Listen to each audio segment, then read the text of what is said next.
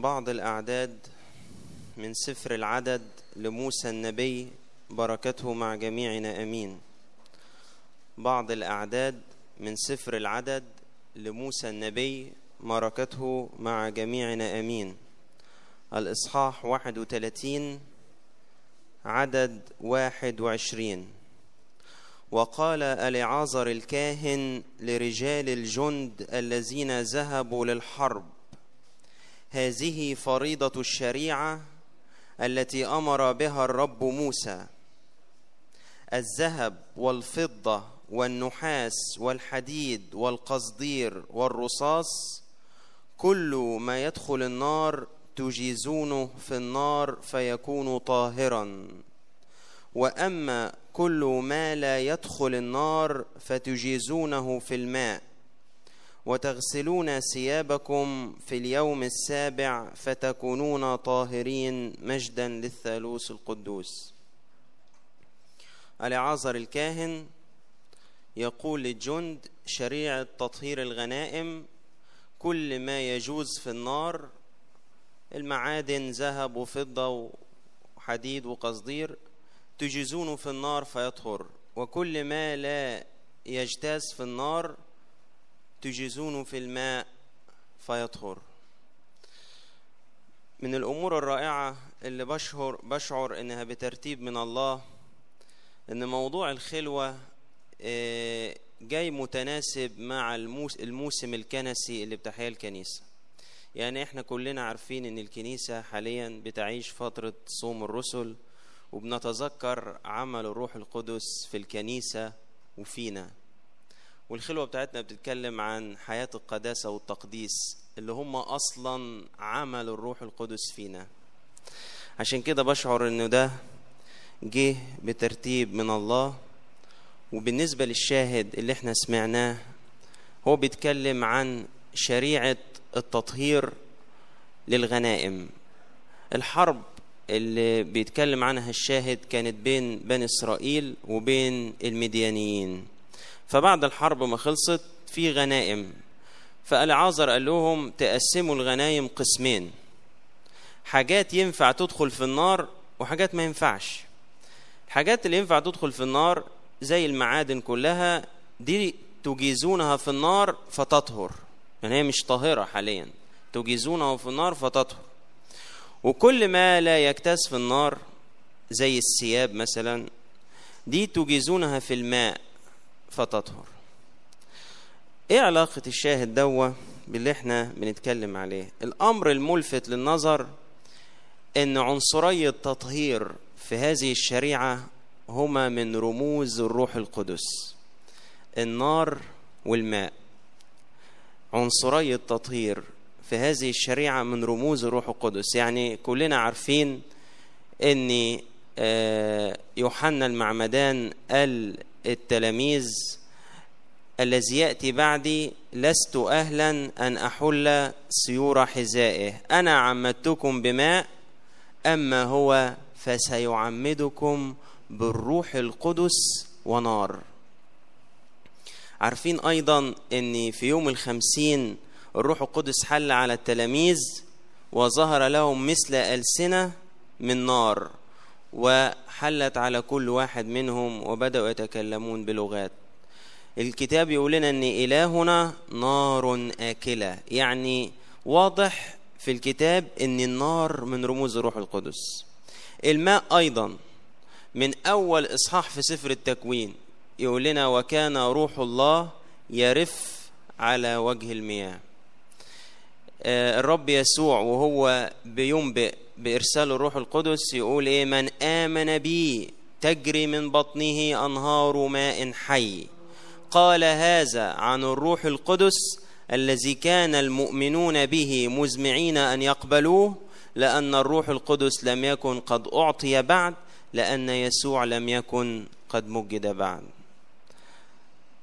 قال لنقديموس الحق الحق أقول لك إن لم نولد من الماء والروح لا يقدر أن يدخل ملكوت الله. يعني واضح تماما من خلال آيات الكتاب إن النار والماء من يعني إشارة للروح القدس. طب إيه ليه ليه عنصرين يرمزوا للروح القدس؟ اشمعنى؟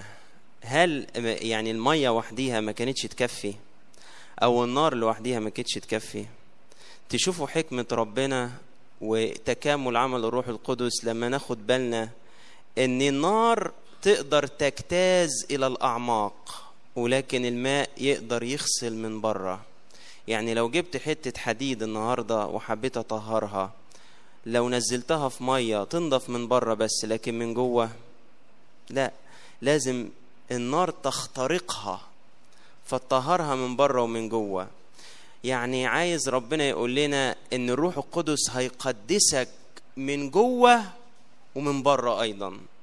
يعني هيقدسك كلية. وعشان كده المعمودية بتاعتنا معمودية نار ومعمودية ماء الاتنين مع بعض معمودية نار ومعمودية ماء. آه تكامل آه عمل المعمودية فينا. عشان كده إحنا خدنا هذا النوع من التقديس لما اتولدنا الميلاد الثاني في جرن المعمودية بقي عندنا الروح القدس جوانا بيجتاز فينا بنار وماء. بس عمله ما انتهاش هو ابتدى في المعمودية ولكن عمله مستمر كل لحظة حتى يقدم هذه العروس إلى العريس. يجتاز فيها بنار وماء. الروح اللي إحنا خدناه في المعمودية وتثبت فينا بالميرون بالمسحة المقدسة هذا الروح نفسه يجتاز فينا بنار وماء لكي يقدس ويطهر كل عنصر فينا. عشان كده معلمنا بولس يقول إيه؟ لكن اغتسلتم. بس كده لا بل تقدستم بل تبررتم باسم الرب يسوع المسيح وبايه وبروح إلهنا. يعني الغسيل ده إيه؟ دي المية. غسلت هذا الإناء. بس مش غسيل عادي ده فعل تقديس. ده ماء الروح القدس مش مية عادية. دي بتجتاز لتقدس. تمام؟ بطرس الرسول يقول لا لإزالة وسخ الجسد بل لسؤال ضمير صالح عن الله بقيامة يسوع المسيح. النهارده السؤال بتاعنا موضوع العظة. إيه اللي محتاج فينا يجتاز في نار وإيه اللي محتاج فينا يجتاز في ماء؟ لو إحنا شفنا الإنسان هنلاقيه عبارة عن روح ونفس وجسد. كل كل هذه العناصر الثلاثه مطلوب إن هي إيه؟ تتقدس. يعني لما أبونا لؤى بيقول العظة القداسة اتساع وشمول. يعني عايزين نقول إيه في حياتنا محتاج للقداسة؟ وإحنا إيه اللي جوانا المفروض نقدسه؟ كله الروح والنفس والجسد. لكن في عظة النهاردة هحصر الكلام عن النفس والجسد. أحصر الكلام عن النفس والجسد. لو جينا نمسك أولا تقديس النفس. تقديس النفس النفس دي عبارة عن إيه؟ فاكرين الكلام اللي قلناه لكم كتير؟ النفس دي عبارة عن إيه؟ فيها إيه مكونات النفس؟ أنا أحب أسأل كده فجأة عشان إيه؟ النايم. يعني يصحى وينام تاني عادي بس يعني يصحى شوية ويرجع ينام. النفس عبارة عن إيه؟ الراجل اللي علمنا قاعد أهو. تعليمه هيروح حضر النفس عبارة عن إيه؟ ما كنتوش حاضرين آه. ها؟ إيه مكونات النفس الإنسانية؟ ثلاث عناصر فكر وعاطفة وإرادة. فكر وعاطفة وإرادة. ثلاث مكونات للنفس. هنحكي فيهم دلوقتي. لو مسكت الفكر الفكر ليه نار الروح القدس إحنا محتاجينها تجتاز في هذا الفكر لتطهره أقول لكم حاجة لأن الفكر بتاعنا بتنبع عنه المبادئ والقناعات اللي إحنا عايشين بيها. طب تعالوا نشوف إيه المبادئ والقناعات اللي إحنا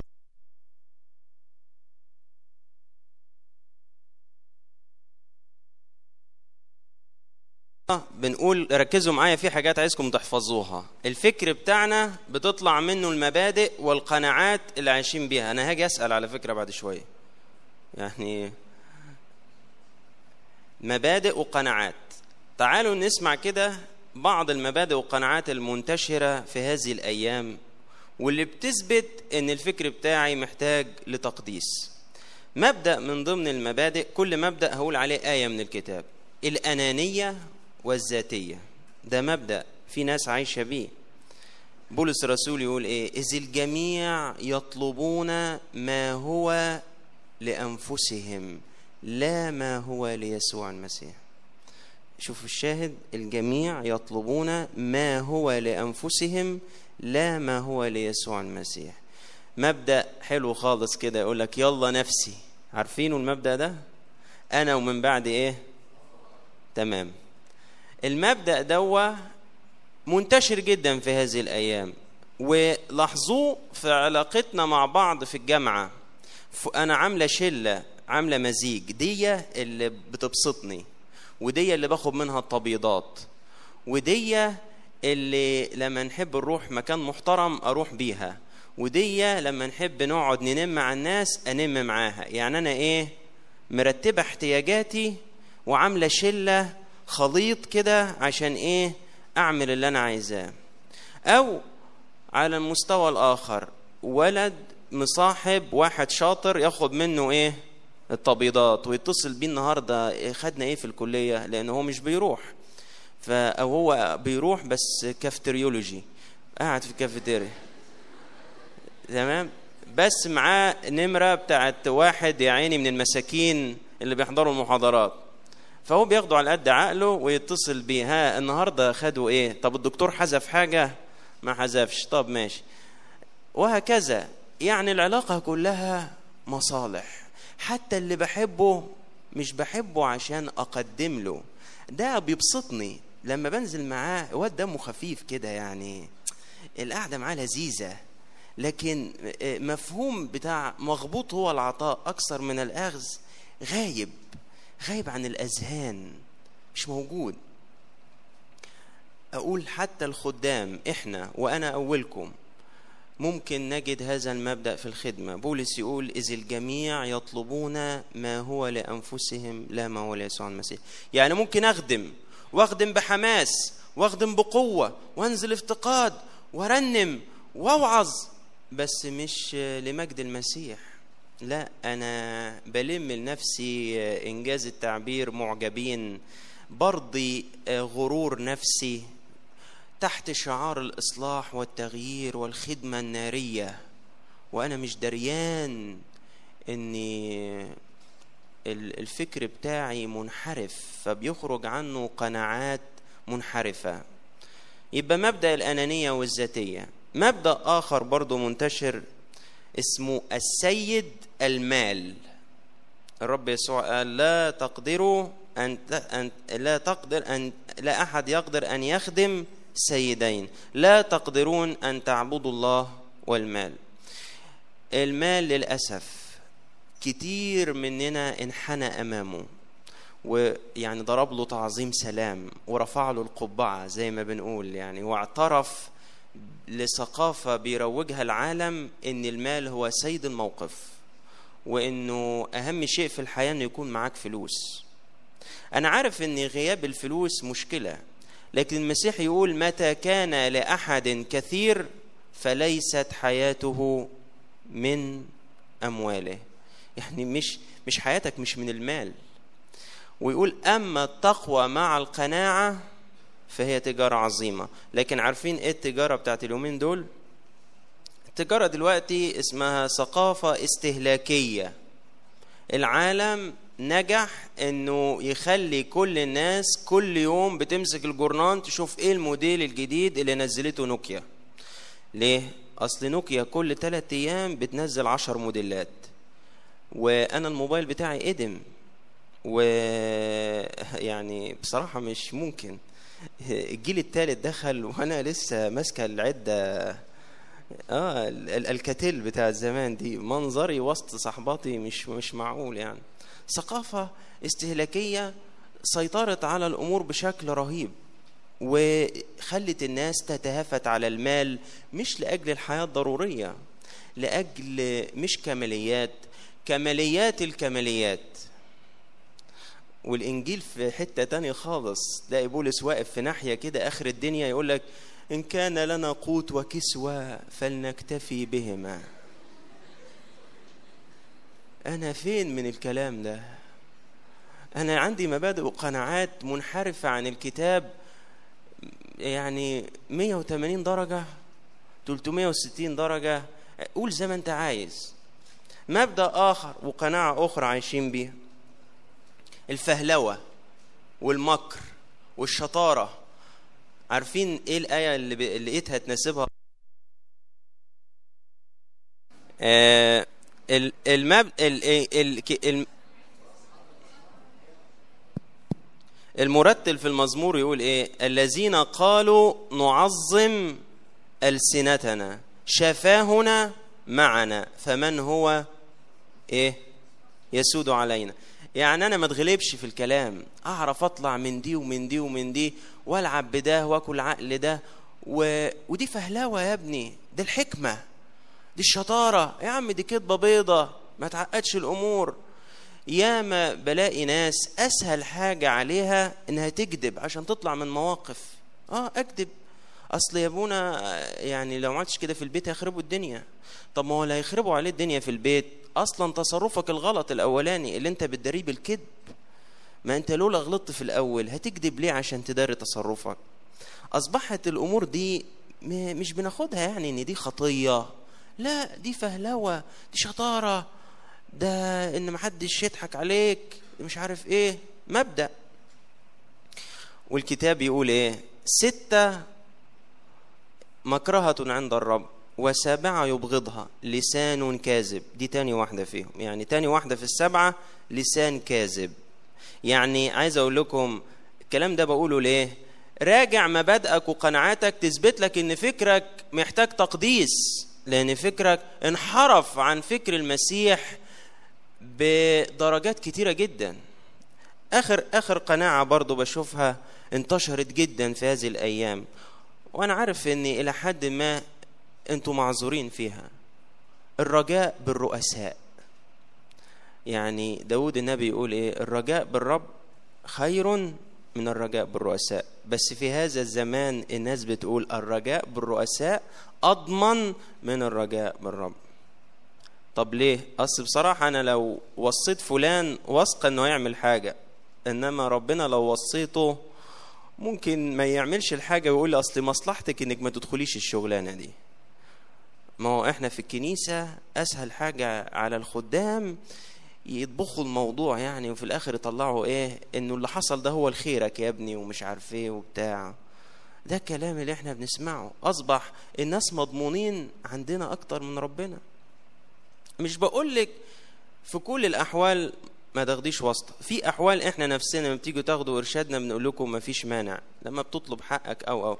بس شوفوا واحد زي مردخاي لما حب يستغل المركز اللي وصلت له إستير في قصر الملك. شوفوا قال لها إيه؟ لما هي حسها كده موهوشة إنها تتدخل وخايفة قال لها إيه؟ لا تفتكري في نفسك أنك تنجين في بيت الملك دون جميع اليهود. لأنك إن سكت سكوتا في هذا الوقت يكون الفرج والنجاة لليهود من مكان آخر.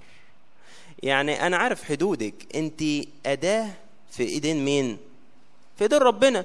مش عايزه تطوعيه ربنا هيحلها من عنده. مش واقفة عليك يا أستير من الآخر كده. الأمر دوا مش واقف عليك. أنت الخسرانة. لو ما دخلتيش في الموضوع ده ربنا هيبعت النجاة من فين؟ من ناحية تاني مش هيسيبنا كده. يبقى رغم إنه استعان بإستير لكن رجاؤه الأساسي في مين؟ في ربنا. أنا خدت كده نماذج من بعض المبادئ والقناعات اللي منتشرة اليومين دول عشان عايز أقول لكم دي كلها خارجة من فكر يحتاج إلى تقديس إن نار الروح القدس تجتاز في هذا الفكر. طب عمليا إزاي؟ عمليا الخطوة الأولى إنك تقرأ هذا الكتاب. الذي يسمى الكتاب المقدس والمقدس أيضا. يعني الكتاب ده اسمه الكتاب المقدس والمقدس. يعني اللي يقرأ كلمة الله الروح القدس ياخد كلمة الله واللي هي برضو نار ويجتاز بيها في الفكر. إحنا بنقول إن كلمة الله دي مالها؟ حية وفعالة وإيه؟ وإيه؟ خارقة. يعني كلمة الله دي لما تقراها الروح القدس كده ياخدها ويخترق بيها فكرك يفرز لك الانحرافات الرهيبة في المبادئ والقناعات اللي انت عايش بيها دي. ويبتدي يزرع فكر المسيح. يبتدي يزرع فكر المسيح. خدوا بالكم النقطة دي مهمة جدا. غياب مطالعة الكتاب المقدس يوميا أيضا يوميا وتدريجيا ينشئ فينا انحراف عن فكر المسيح. لأن اللي مش بيتغذى على الكتاب بيتغذى عن العالم. تمام؟ أكتفي بنقطة الفكر وأنقل لنقطة تانية. العاطفة. العاطفة كمكون أساسي من مكونات النفس. بيتدخل في نسبة تقريبا 95% أو 90% من التصرفات بتاعتنا. تعالوا النهاردة نشوف كده بعض التصرفات اللي تقول لي إذا كانت عاطفتي دي محتاجة لنار الروح القدس ولا لا. تعالوا كده نشوف يوم جامعي من الأيام بتاعتنا في الجامعة. نشوفها بتمشي إزاي. تمام؟ أنا يعني قسمتها مستويات كده. تمام؟ المستوى البسيط الأولاني مستوى ال couples ال couples آه اللي يبقى إيه؟ إحنا شلة على فكرة. أنتوا قلتوا الاختلاط جماعي. إحنا 15 و15 بس عاملين تقسيمة داخلية. يعني إيه؟ بدل ما واحد واحدة يقفوا وحديهم الكنيسة ألزمتهم يختلطوا جماعي. فحلوها برضو. قالوا خلاص نجمع خمسة وخمسة. تمام؟ بس في النهاية هي العلاقة بين واحد وواحدة. مظبطين. يقول لك إيه؟ فلان مظبط فلانة وفلانة مظبطة مع فلان. تمام؟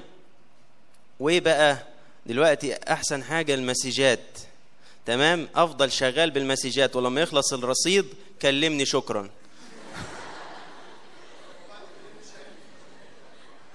آه وبعدين تلاقي فودافون بعت لك رسالة ممكن نسلفك 3 جنيه تتكلم بيهم لحد ما تشحن ونخصمهم. تمام؟ ف ومزداد وما مزدتيش عليا ليه؟ أصلي مش عارف إيه. ما بعتيش رسالة ليه؟ خلاص الموبايل أنا حاطه مش في جيبي ماسكه كده مستني تمام؟ ونطلع الرحلات مع بعض أشوف في الرحلة الأول فلانة طالعة ده يعني لو كنا مش قادرين نسأل بعض لكن في العادي بيبقوا إيه متفقين يعني. وأحلى حاجة لما يبقى اللي ماسكين الرحلة سايبين أماكن على جنب للشلة. لا الأماكن خلصت. ليه أصل في معروف إن في أربع أماكن وأربع أماكن لفلانة وفلان دول طالعين مع بعض وأماكنهم محجوزانهم من قبل كده متظبطة لهم في الرحلة. والكنيسة يعني متاخدة مسرح للأحداث. يعني معظم هذه الأحداث يدور في الجامعة وللأسف في الكنيسة. ليه؟ عشان بنستغل خدمة الأسر استغلال غلط. آه ومعلش أنا آسف الكلام ده أنا قلته قبل كده كتير. آه ويعني كله دوا بنديله شعار لطيف. على فكرة إحنا بنحب بعض. أو على فكرة أنا فلان ده بيفهمني أكتر من صحباتي. وسمعتها من ولد فلانة بتفهمني أكتر من أصحابي فأنا بحب أحكي معاه وبنعمل شات مع بعض في البيت ومش عارف إيه والأمور دي تنتهي طبعا لتعلقات عاطفية لا حد لها. تبدأ من إعدادي وأولى جامعة. تلاقي الشاب داخل مستعد يعني مهيأ كده. ولو مر عليه شهر ولسه يعني ما دخلش في علاقة عاطفية اضطرب جدا. لحسن يكون في حاجة غلط. أنا قالوا لي مجرد ما تدخل تاني يوم على طول هتلاقي الأمور كلها ماشية مظبوط. أنت بس سيب نفسك وعادي خالص هتلاقي الأمور ماشية. وبعد كده طبعا أصطدم بالبيت. واصطدم بالكنيسة وأحس إن ربنا مش راضي عني ومش قادر أواجهه. ده المستوى الأول المستوى البسيط. المستوى الأسوأ لما هذه العلاقات العاطفية تأخذ بعدا حسيا وده أمر في غاية الأسف. لما الأمر يتطور للمسات ومسك إيد ونزول مع بعض وكلام حب يمكن الاتنين المخطوبين يتكسفوا يقولوا لبعض. آه أنا بتكلم بصراحة شديدة آه زي ما أبونا لؤى قال لي. قال لي اللي بتسمعه بيضايقك وطول النهار تيجي تكبه عندي قوله لهم. عشان أنا بطلع فعلا مذهول أبقى قاعد تحت في الكنيسة. ما أقدرش أروح أطلع له فوق الأول أمر عليه. أكبهم؟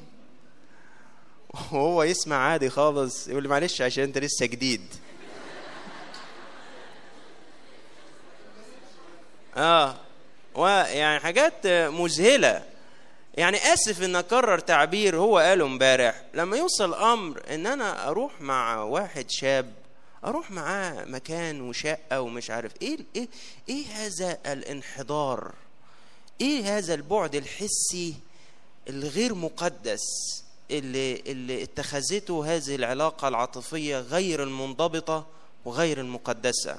والأمر ينتهي إلى السقوط في الشهوة وفي الخطية بمختلف ما يعني كلمة سقوط. مستوى آخر لما علاقة بين اتنين مخطوبين تنزلق إلى مستوى من الحسيات اللي الكنيسة بتقول يا جماعة ده لا يليق أنه يتم فترة الخطوبة. ما تحولوش المشاعر وتدخل فيها لغة الجسد. لغة الجسد دي مقدسة فقط بين اتنين متزوجين المسيح وسطيهم. لكن ما هو خارج هذا غير مبارك من قبل الرب. عشان نكون واضحين وصراحة مع بعض. آه يعني اتنين مخطوبين ليهم مستوى مسموح بيه. بس لازم يبقوا فاهمينه وعارفينه عشان ما يحطوش نفسهم تحت ضغوط عنيفة تتعبهم وتؤرق ضمايرهم. ادي ادي أمثلة بسيطة منها اللي قدرنا نقوله ومنها اللي ما ينفعش يتقال لأن زي ما بيقول الإنجيل الأمور دي ذكرها أيضا قبيح. يعني ما ينفعش إن إحنا نقولها. عشان كده الروح القدس يا جماعة لازم يجتاز بنار في عواطفنا عشان يقدسها. لازم يجتاز بنار الروح القدس النهاردة بيقول لك عن الجنس ما طهره الله لا تدنسه أنت. ليه دنست الجنس اللي أنا خلقته وباركته؟ ليه في تصرفاتك وفي تعاملاتك دنسته وجعلته أمر مش كويس؟ ليه؟ روح القدس يا جماعة لابد إنه يجتاز في هذه العواطف لكي يقدسها. لابد إن النهارده يكون وسطينا كتير من يوسف اللي قال لامرأة فوتيفار كيف أصنع هذا الشر العظيم وأخطئ إلى الله؟ لابد يكون بينا كتير خالص سوسنة العفيفة اللي قالت بصراحة للشيخين اللي بنسمع القصة دي دايما في ليلة أبو غلمسيس خير لي أن لا أفعل الشر وأسقط في أيديكما من أن أخطئ إلى الله. يعني وزنت الأمور لو عملت الخطية معاهم ربنا يغضب عليها وإن ما عملتش هتتفضح في البلد كلها وهتموت. قالت لا أحسن لا تفضح في البلد كلها وأموت من إن أنا أخطئ إلى الرب. هل إحنا النهاردة بنقول لأ ولا لا؟ عارفين إحنا بنقول لأ للصح. اليومين دول بأمانة بيتقال لأ كتير خالص للصح. ولكن الغلط ما بنقولوش لا. كلام المرشدين الروحيين وأباء الاعتراف في موضوع العلاقات العاطفية ده غالبا ما يعني بيتبعت لل recycle bin. يعني إيه؟ يعني تعمل له delete آه أنا عارفين بروح ليه للمرشد الروحي؟ أحيانا يعني وقبل الاعتراف أحكي معاه في الموضوع. يا إما عايزه يوافقني أحاول أقنعه بشتى السبل. في مرة واحد زهقني. قلت له يا عم أنا رأيي كده خلاص. أنت مش عايز تنفذه ما تعملوش بس أنا مش مقتنع. أنت جاي تاخد رأيي؟ قال لي آه. قلت له خلاص أنا رأيي مش مقتنع. مش عايز تنفذه ما تنفذوش. ما تجبرنيش إن أنا أوافقك على حاجة أنا مش مقتنع بيها. أنا أجبرتك على حاجة. قال لي لا. قلت له خلاص طب اشمعنى أنت عايز تجبرني أوافق؟ يا إما رايح افضفض عارفين أنتوا الناس الحبيبة يحبوا يشكوا همومهم لبعض. فهو برضه إيه حب يفوت على أبونا يشكي له همه. وبس ويروح وانتهت على كده وكل حاجة شغالة زي ما هي. لا لازم الروح القدس يجتاز في عواطفنا بنار. أنقل وأقول إن النقطة دي بالذات لما تؤدي العاطفة غير المنضبطة دي لما تؤدي لخطية وتقود إلى شهوة هذه الأمور بسببها يأتي غضب الله. راجعوا كده يا جماعة لما ربنا أهلك العالم بالطوفان كانت البداية إيه؟ حد فاكر تكوين ستة؟ كانت البداية. ها آه يلا سؤال أهو عشان نصحصح. ها. آه. وحدث لما كثر الناس على الأرض إن أولاد الله رأوا أن بنات الناس حلوين. فاتخذوا ليهم إيه؟ نساء. دي البداية. وبدأ بعد كده في سطرين ثلاثة كان ربنا قرر الطوفان. ليه؟ لأن أولاد الله نسيوا مركزهم وانزلقوا إلى علاقات مع ناس ملهاش علاقة بربنا. رجعوا كده لما بالعام ربنا منعه يلعن الشعب. وبدل ما يروح يلعنه أربع مرات باركه. كانت إيه الحيلة اللي لجأ لها؟ قال بلاق بص الموضوع ده ملوش غير حل واحد. الشعب ده لو سقط في الخطية ربنا هيلعنه لوحده. خلي كده يبقى ليهم علاقات غير مقدسة مع بنات مؤبيات.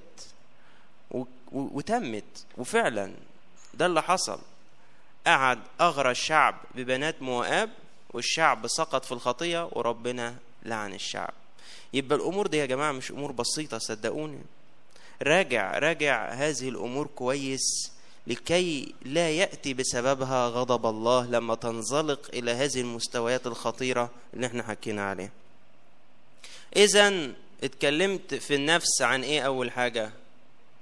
عن إيه؟ والفكر طلعت منه إيه؟ مبادئ وإيه؟ وقناعات. من العاطفة اتضح أنها مؤثرة في العلاقات مع الأشخاص. يعني راجع علاقاتك مع أشخاصك هتكلمك مع الأشخاص هتكلمك عن عاطفتك شكلها إيه. يبقى الفكر طلعت منه مبادئ وقناعات العاطفة طلع منها علاقة مع أشخاص. آخر مكون في النفس الإرادة. والإرادة ينبع منها السلوكيات. يعني هي مؤثرة بشكل كبير في سلوكياتنا طيب تعالوا كده إيه نشوف الإرادة. يا إما تكون إرادة مقدسة بتاخدني ناحية ربنا تاخدني ناحية الكنيسة تاخدني ناحية الاعتراف تاخدني ناحية الكتاب المقدس تاخدني ناحية اجتماع صلاة تاخدني ناحية قداس تاخدني ناحية مقاومة الشر. دي اسمها إرادة مقدسة. في غياب الإرادة المقدسة تكون هناك إرادة شريرة. تاخدني ناحية الخطية. راجع كده لما بتطلع مع أصحابك بتعملوا إيه النزولة بتاعت بالليل دي. اللي بتنتهي الساعة اتنين الفجر تلاتة الفجر أربعة الفجر خمسة الفجر ستة الفجر. أحيانا أبقى نازل القداس الصبح صدقوني بأمانة الساعة ستة وتلت وشلل الأولاد ملطعة في الشارع على العربيات. يعني أنا نمت وصحيت ورايح القداس وهم ما زالوا قاعدين في الشارع من امبارح بالليل. بتعملوا إيه؟ بيصلوا. بيصلوا. آه راجع كده قعدتك مع صحباتك. فيها إيه؟ للأسف برضو يعني كان معروف زمان كده إن البنات في أمور كده وفي حياء وفي مش عارف إيه. يعني إيه الأمور دي برضو بدأت تختلف شوية وبدأت تختفي تدريجيا. يعني ممكن أسمع كده بين شلة بنات نوع من الأحاديث ما كنتش أصدق إنه يتسمع يعني بينهم. امور دي بتدل إن السلوكيات دي مش منضبطة تدل إن اراده مالها في مرة عامل ندوة مع مجموعة بنات وبقول لهم يا جماعة بلاش النميمة والإدانة و... راحت واحدة قالت لي ما نقعد مع بعض نعمل إيه؟ يعني لما إحنا ما, ما نحكيش عن فلانة وكانت لابسة إيه وعملت إيه ووقفت مع مين و... يعني نقعد مع بعض نعمل إيه؟ أصل إحنا غير الولاد يعني هم ممكن يلعبوا كورة يعملوا إحنا هنعمل إيه؟ بتكلمني كده كأن أنا يعني مفتري. إن أنا بقول لها ده قلت لها خلاص طب اقنعوا ربنا يغير الكتاب المقدس ويسمح بخطية الإدانة للبنات. يعني البنات مسمح لهم يدينوا وينموا لاعتبارات وظروف اجتماعية. إن هم لو قعدوا مع بعض ما عملوش كده مش هيلاقوا حاجة يعملوها. فأمور غريبة. يعني تدل برضو الإرادة مسلوبة. آه مش قادرة يا أبونا ما نمش. مش قادرة ما احطش كذا مش قادرة ما ألبسش كذا مش قادرة ما أنزلش كذا. والولد نراجع نراجع القيود والعادات اللي مسيطرة على حياتنا الإدمان والمكيفات والسجاير وكل هذه الأمور نراجعها وإحنا نشوف الإرادة بتاعتنا هل هي مقدسة ولا لا لأن هي اللي بتأثر في السلوكيات. نيجي بقى لتقديس الجسد. إحنا قلنا النفس فيها كم مكون؟ أول واحد إيه؟ الفكر طلع منه إيه؟ مبادئ وقناعات وتاني مكون طلع منها إيه؟ علاقة مع أشخاص. وتالت مكون إيه؟ طلع منها سلوكيات. الجسد بقى يطلع منه إيه؟ كل خير. يطلع منه العلاقة مع الأشياء. والكلمة دي حطوا تحتيها عشر خطوط. لأنه الجسد لما بيتدخل في العلاقة مع أشخاص يصبحوا إيه؟ أشياء. وده اللي بنشوفه. لما الولد يدمن أفلام مش كويسة وصور مش كويسة البنت اللي هي إنسانة خلقها ربنا على صورته ومثاله في عينيه تصبح إيه؟ شيء. مش أكتر من كده. شيء. لا تتجاوز هذا التقييم. شوفوا الكتاب يقول إيه؟ فأطلب إليكم أيها الإخوة برأفة الله أن تقدموا أجسادكم ذبيحة ذبيحة حية مقدسة مرضية عند الله عبادتكم العقلية. راجع كده الجسد بتاعك هو فين من هذا الكلام؟ وأنت تعرف إذا كان محتاج للروح القدس يقدسه ولا لا؟ وهيقدسه إزاي؟ تمام؟ أطلب إليكم برأفة الله أن تقدموا أجسادكم. أول حاجة إيه؟ ذبيحة. تاني حاجة إيه؟ ها؟ حية. تالت حاجة إيه؟ مقدسة. رابع حاجة مرضية. عند مين؟ عند الله. جسدك يرضى الله؟ الجسد مش شر على فكرة. الجسد في حد ذاته مش شر. ده ربنا اللي خلقه. أنا اللي بحدد هذا الجسد يا إما أدنسه يا إما أقدسه. لأنه أصلا خارج من المعمودية ماله. ودشن بإيه؟ بالميرون. أنت جسدك ادهن عليه ميرون زي اللي بيدشنوا بيه الكنايس. شوف إلى أي مدى مستوى التقديس اللي منح لينا. يعني إحنا نلنا سر زي سر تدشين الكنائس. تمام؟ لأن إحنا قدس للرب زي ما حكينا امبارح في مجموعات العمل شوف جسدك كده ولو عايز تكتشف هو مقدس ولا لأ راجع علاقاتك مع الأشياء. زي إيه يا أبونا الأشياء؟ أدي أول شيء أهو. ده اسمه إيه؟ اسمه إيه ده؟ حد مش شايفه ورا؟ ده اسمه إيه؟ موبايل. طلعوا الموبايلات كده وافتح لي ال file بتاع ال pictures الصور. شوف كده إيه الصور اللي في الموبايل عندك واديني تقرير لو سمحت. شوف كده إيه النكت اللي متسجلة على الموبايل ها عشان نهدي بيها بعض كده نوعها إيه والصور اللي نبعتها لبعض. راجع كده المسجات اللي محتفظ بيها ومش راضي تعمل لها ديليت وشوفي مكتوب فيها إيه. راجعوا النغمات اللي بتنزل عشان لما رن عليكم اسمعها. يعني في واحد مديني نمرته وعارف ان مدي نمرته الاب كاهن.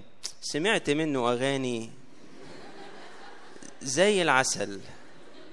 طب يا ابني أنت إيه اللي رن عليك؟ وعارف طب يعني كنوع من الكسوف.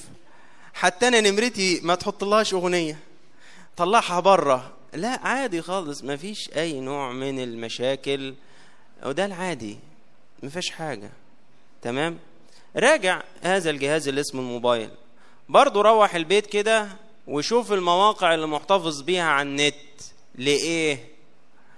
المواقع دي إيه؟ والسيدات اللي مستخبية في الأدراج من جوه خالص. ها؟ أه؟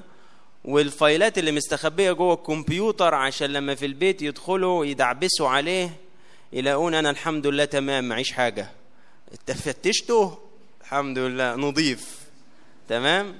وصور وجوابات وقصص. تمام؟ شوف الدش عندك والقنوات اللي متشفرة وإزاي الحمد لله ما بعرف أفك شفرتها. هو بابا شفرها بس أنا أصل هي معروفة. تمام؟ الراجل بيحط نمرة واحدة عشان ما ينساهاش من بيت لبيت. فهي معروفة أصل هو مش كل بيت هيسجل له نمرة. لو حط لكل بيت نمرة أنا بقول لكم سر المهنة أهو.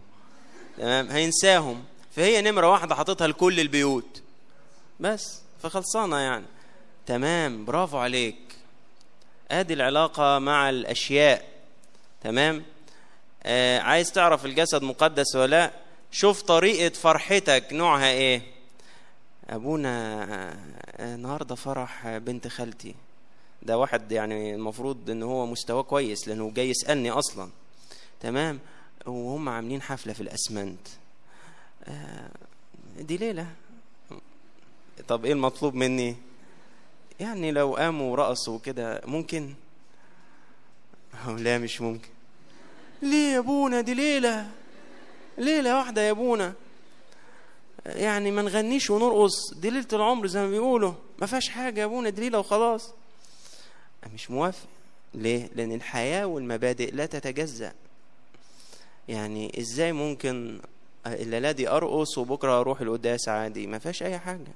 دي دي نقرة ودي نقرة يعني. والمثل بيقول ساعة لقلبك وساعة لربك. لا لا هو ساعتين لقلبك وساعة لربك. لا هو كله ساعة لقلبك وخلاص. تمام؟ عايز تعرف جسدك مقدس ولا راجع بتعمل إيه يوم العيد؟ آه بالنسبة للبنات والولاد إيه البروجرام بداية من ليلة العيد؟ نراجع كده تمام؟ ما زلت المثل الشهير أذكره بتاع نادي الجيش والدورة اللي بتتعمل في نادي الجيش. زمان كان الأسمنت ده لسه ما فتحش. فكان في نادي الجيش كان هو اللي واخد مكان الأسمنت. فكانت كل الناس ما كانش في حفلة في الكنيسة مفيش أي حاجة كل الناس تروح نادي الجيش. طب إيه اللي بيعملوه؟ أنا مرة رحت يعني. لقيت دورة شغالة. حوالين المبنى اللي في النص كده دورة. الشعب كله ماشي. البنات مستنيين الولاد يعكسوهم والولاد بيقوموا بدورهم وبيعكسوا البنات. ولفة كده شغالة. من الساعة عشرة للساعة خمسة. والناس تروح وخلاص على كده. الحمد لله. الدورة دي دلوقتي اتوسعت. وبقت في الأسمنت وده الهدف اللي الناس نازلة تهيص العيد عشانه. ما هو إحنا نازلين ليه؟ آه. وأنا واقفة قدام المراية أربع ساعات. ليه؟ ده سؤال. لازم تسأليه لنفسك. إيه غرضي من هذه الوقفة المطولة؟ تمام؟ أنا نازلة ليه؟ وغرضي إيه من يوم العيد؟ هو ده يوم العيد. دي الاحتفال بتاع العيد. بيتم كده؟ الكنيسة اللي بيروح مننا الكنيسة نوعين. نوع فعلا رايح إن العيد هو القداس بتاع العيد. ده العيد. ده العيد اللي عرفتنا بيه الكنيسة ده القداس. ومفيش مانع من تاني يوم قعدة مقدسة مع أصحابي في جنينة في مكان في الكنيسة في حفلة الصبح. لكن الممارسات دي لا. ده جسد غير مقدس. لكن في نوع تاني بيروح الكنيسة يقعد بره. آه مستني برضو البنات لما تطلع. بعد القداس عشان يرمي عليهم ديناميت ويرمي عليهم مش عارف إيه و... تمام؟ آه ده يوم العيد. عايز تعرف الجسد مقدس ولا لا؟ راجع المصيف. بتعمل إيه في المصيف؟ لما بنروح في الصيف بقى كده نصيف في اسكندرية وفي شرم وفي الغردقة وبتاع بلاد ما حدش يعرفنا فيها. نعمل اللي عايزينه. نعمل وتحت كلمة نعمل اللي عايزينه دي رص بقى. كل ما يجي في بالك نعمل اللي عايزينه. ده إيه؟ أنا بديكم إشارات لو عايز تعرف الجسد مقدس ولا لأ. ولو اكتشفت إنه مش مقدس هو محتاج للروح القدس. بس الروح القدس اللي اجتاز في النفس بنار هيجتاز في الجسد بماء للاغتسال. أنتوا عارفين الإنسان اللي تعمد محتاج يجدد المعمودية بتاعته بإيه؟ بالتوبة. ودموع التوبة محسوبة إن هي إيه؟ معمودية ثانية. يعني اللي يقدس جسدك التوبة عشان توبتك دي مية تاني من الروح القدس اللي جوه طالعة تغسل هذا الجسد وتنقيه وتطهره. زي ما قرينا في الشاهد إن اللي ما ينفعش يجتاز في النار تجيزونه في إيه؟ في ماء عشان يتغسل عشان ينضف عشان يتطهر. بس للأمانة تنظيف الجسد بتاعنا ده وتطهيره بيحتاج وقت وأحيانا جهد. يعني ممكن على المستوى العقلي أدركت إني بعمله غلط. على مستوى تصرفاتي بالجسد الأمر بيحتاج بعض الوقت. زي آسف التعبير تيشيرت اتوسخ خالص. ممكن مش من أول غسلة يحصل له إيه؟ ينضف. مش شرط. محتاج غسيل. محتاج نوع من الجهاد. عشان كده الكتاب يقول أميتوا أعضاءكم التي على الأرض التي هي إيه؟ الزنا والنجاسة والهوى والشهوة الردية والطمع والذي هو عبادة أوثان إلى آخره. لابد من مقاومة يا جماعة. إحنا مش مستعجلين مش محدش فينا على فكرة هينتهركم لو بدأتوا النهاردة وبكرة ما تحررتوش. لا إحنا فاهمين. عارفين ليه؟ لأن إحنا مرينا بالكلام ده وإلى الآن بنمر بيه. إحنا مش معصومين من الخطأ كمرشدين أو آباء. يا واحد كل واحد مننا مر بالكلام اللي أنتوا بتمروا بيه وعارف إن الحرية مش بتيجي بالساهل وعارف إنها بتاخد وقت وعارف إنها بتاخد مجهود وعارف إنه أحيانا طريق الحرية يمر بقليل أو بكثير من السقطات اللا اراديه يعني ممكن إنسان بدأ وعايز يتوب وفعلا ويجي بعد مرة واثنين وثلاثه يقع. أنا متفهم هو وقع ليه لسه. مش زعلان لأنه قاوم واستبسل في الحرب لكن انهزم مرة وقام تاني هذا الإنسان أؤكد لكم هيتحرر غير الإنسان المستسلم. لو حبيت في ختام هذه العظة أقدم لكم ملخص سريع جدا. إزاي الروح القدس بيقدس أول شيء؟ أنت النهاردة وهطبقه على الخلوة. أنت النهاردة سمعت وعظ كتير ورنمت ترانيم كتير ودروس كتاب كتير وفي شيء اتحرك جواك. أقول لك أول شيء قدم توبة وابدأ فورا علاقة يومية مع الله. يعني علاقة يومية؟ يعني أقول لك صلي الصبح وصلي بالليل لأن ربنا هو الأول والآخر البداية والنهاية. واقرأ الكتاب المقدس كل يوم طلع إصحاح ابتدي بأصغر إنجيل يعجبك. اقرأ كل يوم نص إصحاح إصحاح زي ما أنت عايز بس واظب عليه. روح القداس وتناول.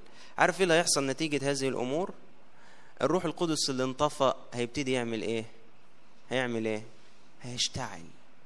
وده الرجاء بتاعنا إنه لازم يشتعل. لو ما اشتعلش مفيش فايدة فينا. اللي أنا بعمله ده زي ب... بديله كده إنه يشتعل. أول ما يشتعل هيروح داخل واخد كلمة الله اللي بتقراها يخاطب ذهنك وعقلك وفكرك يبتدي يقول لك ان مبادئك غلط يبتدي يقنعك بمبادئ الكتاب يوم بعد يوم من عشرتك بالكتاب المقدس هتلاقي إن فكرك بدأ ينحاز للروح القدس لكن ما زال جسدك قاعد في الخطية وبدأ ينشأ صراع مرير بين إرادة عايزة تعيش حياة مقدسة وبين إرادة أخرى عايزة تعمل إيه؟ خطية. صراع مرير. بس اشكر ربنا ده في الأول ما كانش موجود. ده زمان كان كنا نشرب الإثم كإيه؟ ما كانش موجود الصراع ده. أنت زعلان إن أنت متألم منه وضميرك موبخك وتعبك. أشكر ربنا ده زمان ما كانش بيجي لك إشارة واحدة توبيخ. ده الصراع ده مهم لأنه ده معناه بداية حياة جوة. الروح القدس غرضه إيه في المرحلة بتاعت الصراع دي؟ يكرهك في الخطية. يقول لك اكرهها بقى. شايف أديك بتعملها وانت عايز تعيش مع ربنا ومش قادر. أهي زلتك أهي ربطتك. اكرهها. أكرهها فعلا بس مش قادر أبطلها. مرحلة تانية. يعمل إيه؟ الذهن اللي تشبع بفكر الكتاب يبتدي يخاطب الإرادة. بدأت محاولات للامتناع عن الخطية للإماتة. يزكيها الروح القدس من خلال صلواتي ومن خلال اتحادي بالمسيح في الإفخارستية يضخ في أعضائي قوة قتالية. أبتدي أجرب إني مرة بقول لأ وأنجح بس بعدها مرتين بقول لأ وأسقط. بس دي بداية جديدة ما كانش عندك قبل كده. ده في تطور. بمرور الوقت والعشرة اليومية مع الله الروح القدس بيزداد إيه؟ اشتعالا يجتاز بالنار في الإرادة ويضخ قوة رهيبة للمقاومة ونعمة في كل أعضاء الإنسان. تبدأ العين تقفل عن الشر وتبدأ الإيد تمتنع عن الغلط ويبدأ الذهن ينضبط والجسد يخضع. ولاقي الإنسان ده بدأ رحلة في حياة مقدسة مع الله. وبعد ما كان السقوط عنده هو الأمر المسيطر أصبح ماشي والسقوط عارض. ده معناه أن الإنسان ده عرف سكة ربنا. تلاقي الروح القدس بدأ السقوط العارض ده يغسله بإيه؟ بالماء ويقدس كل يوم النفس والجسد. أدي رحلة بيقودها الروح القدس جوانا لكي يقدسنا بنار وبماء ولإلهنا كل مجد وكرامة إلى الأبد. آمين.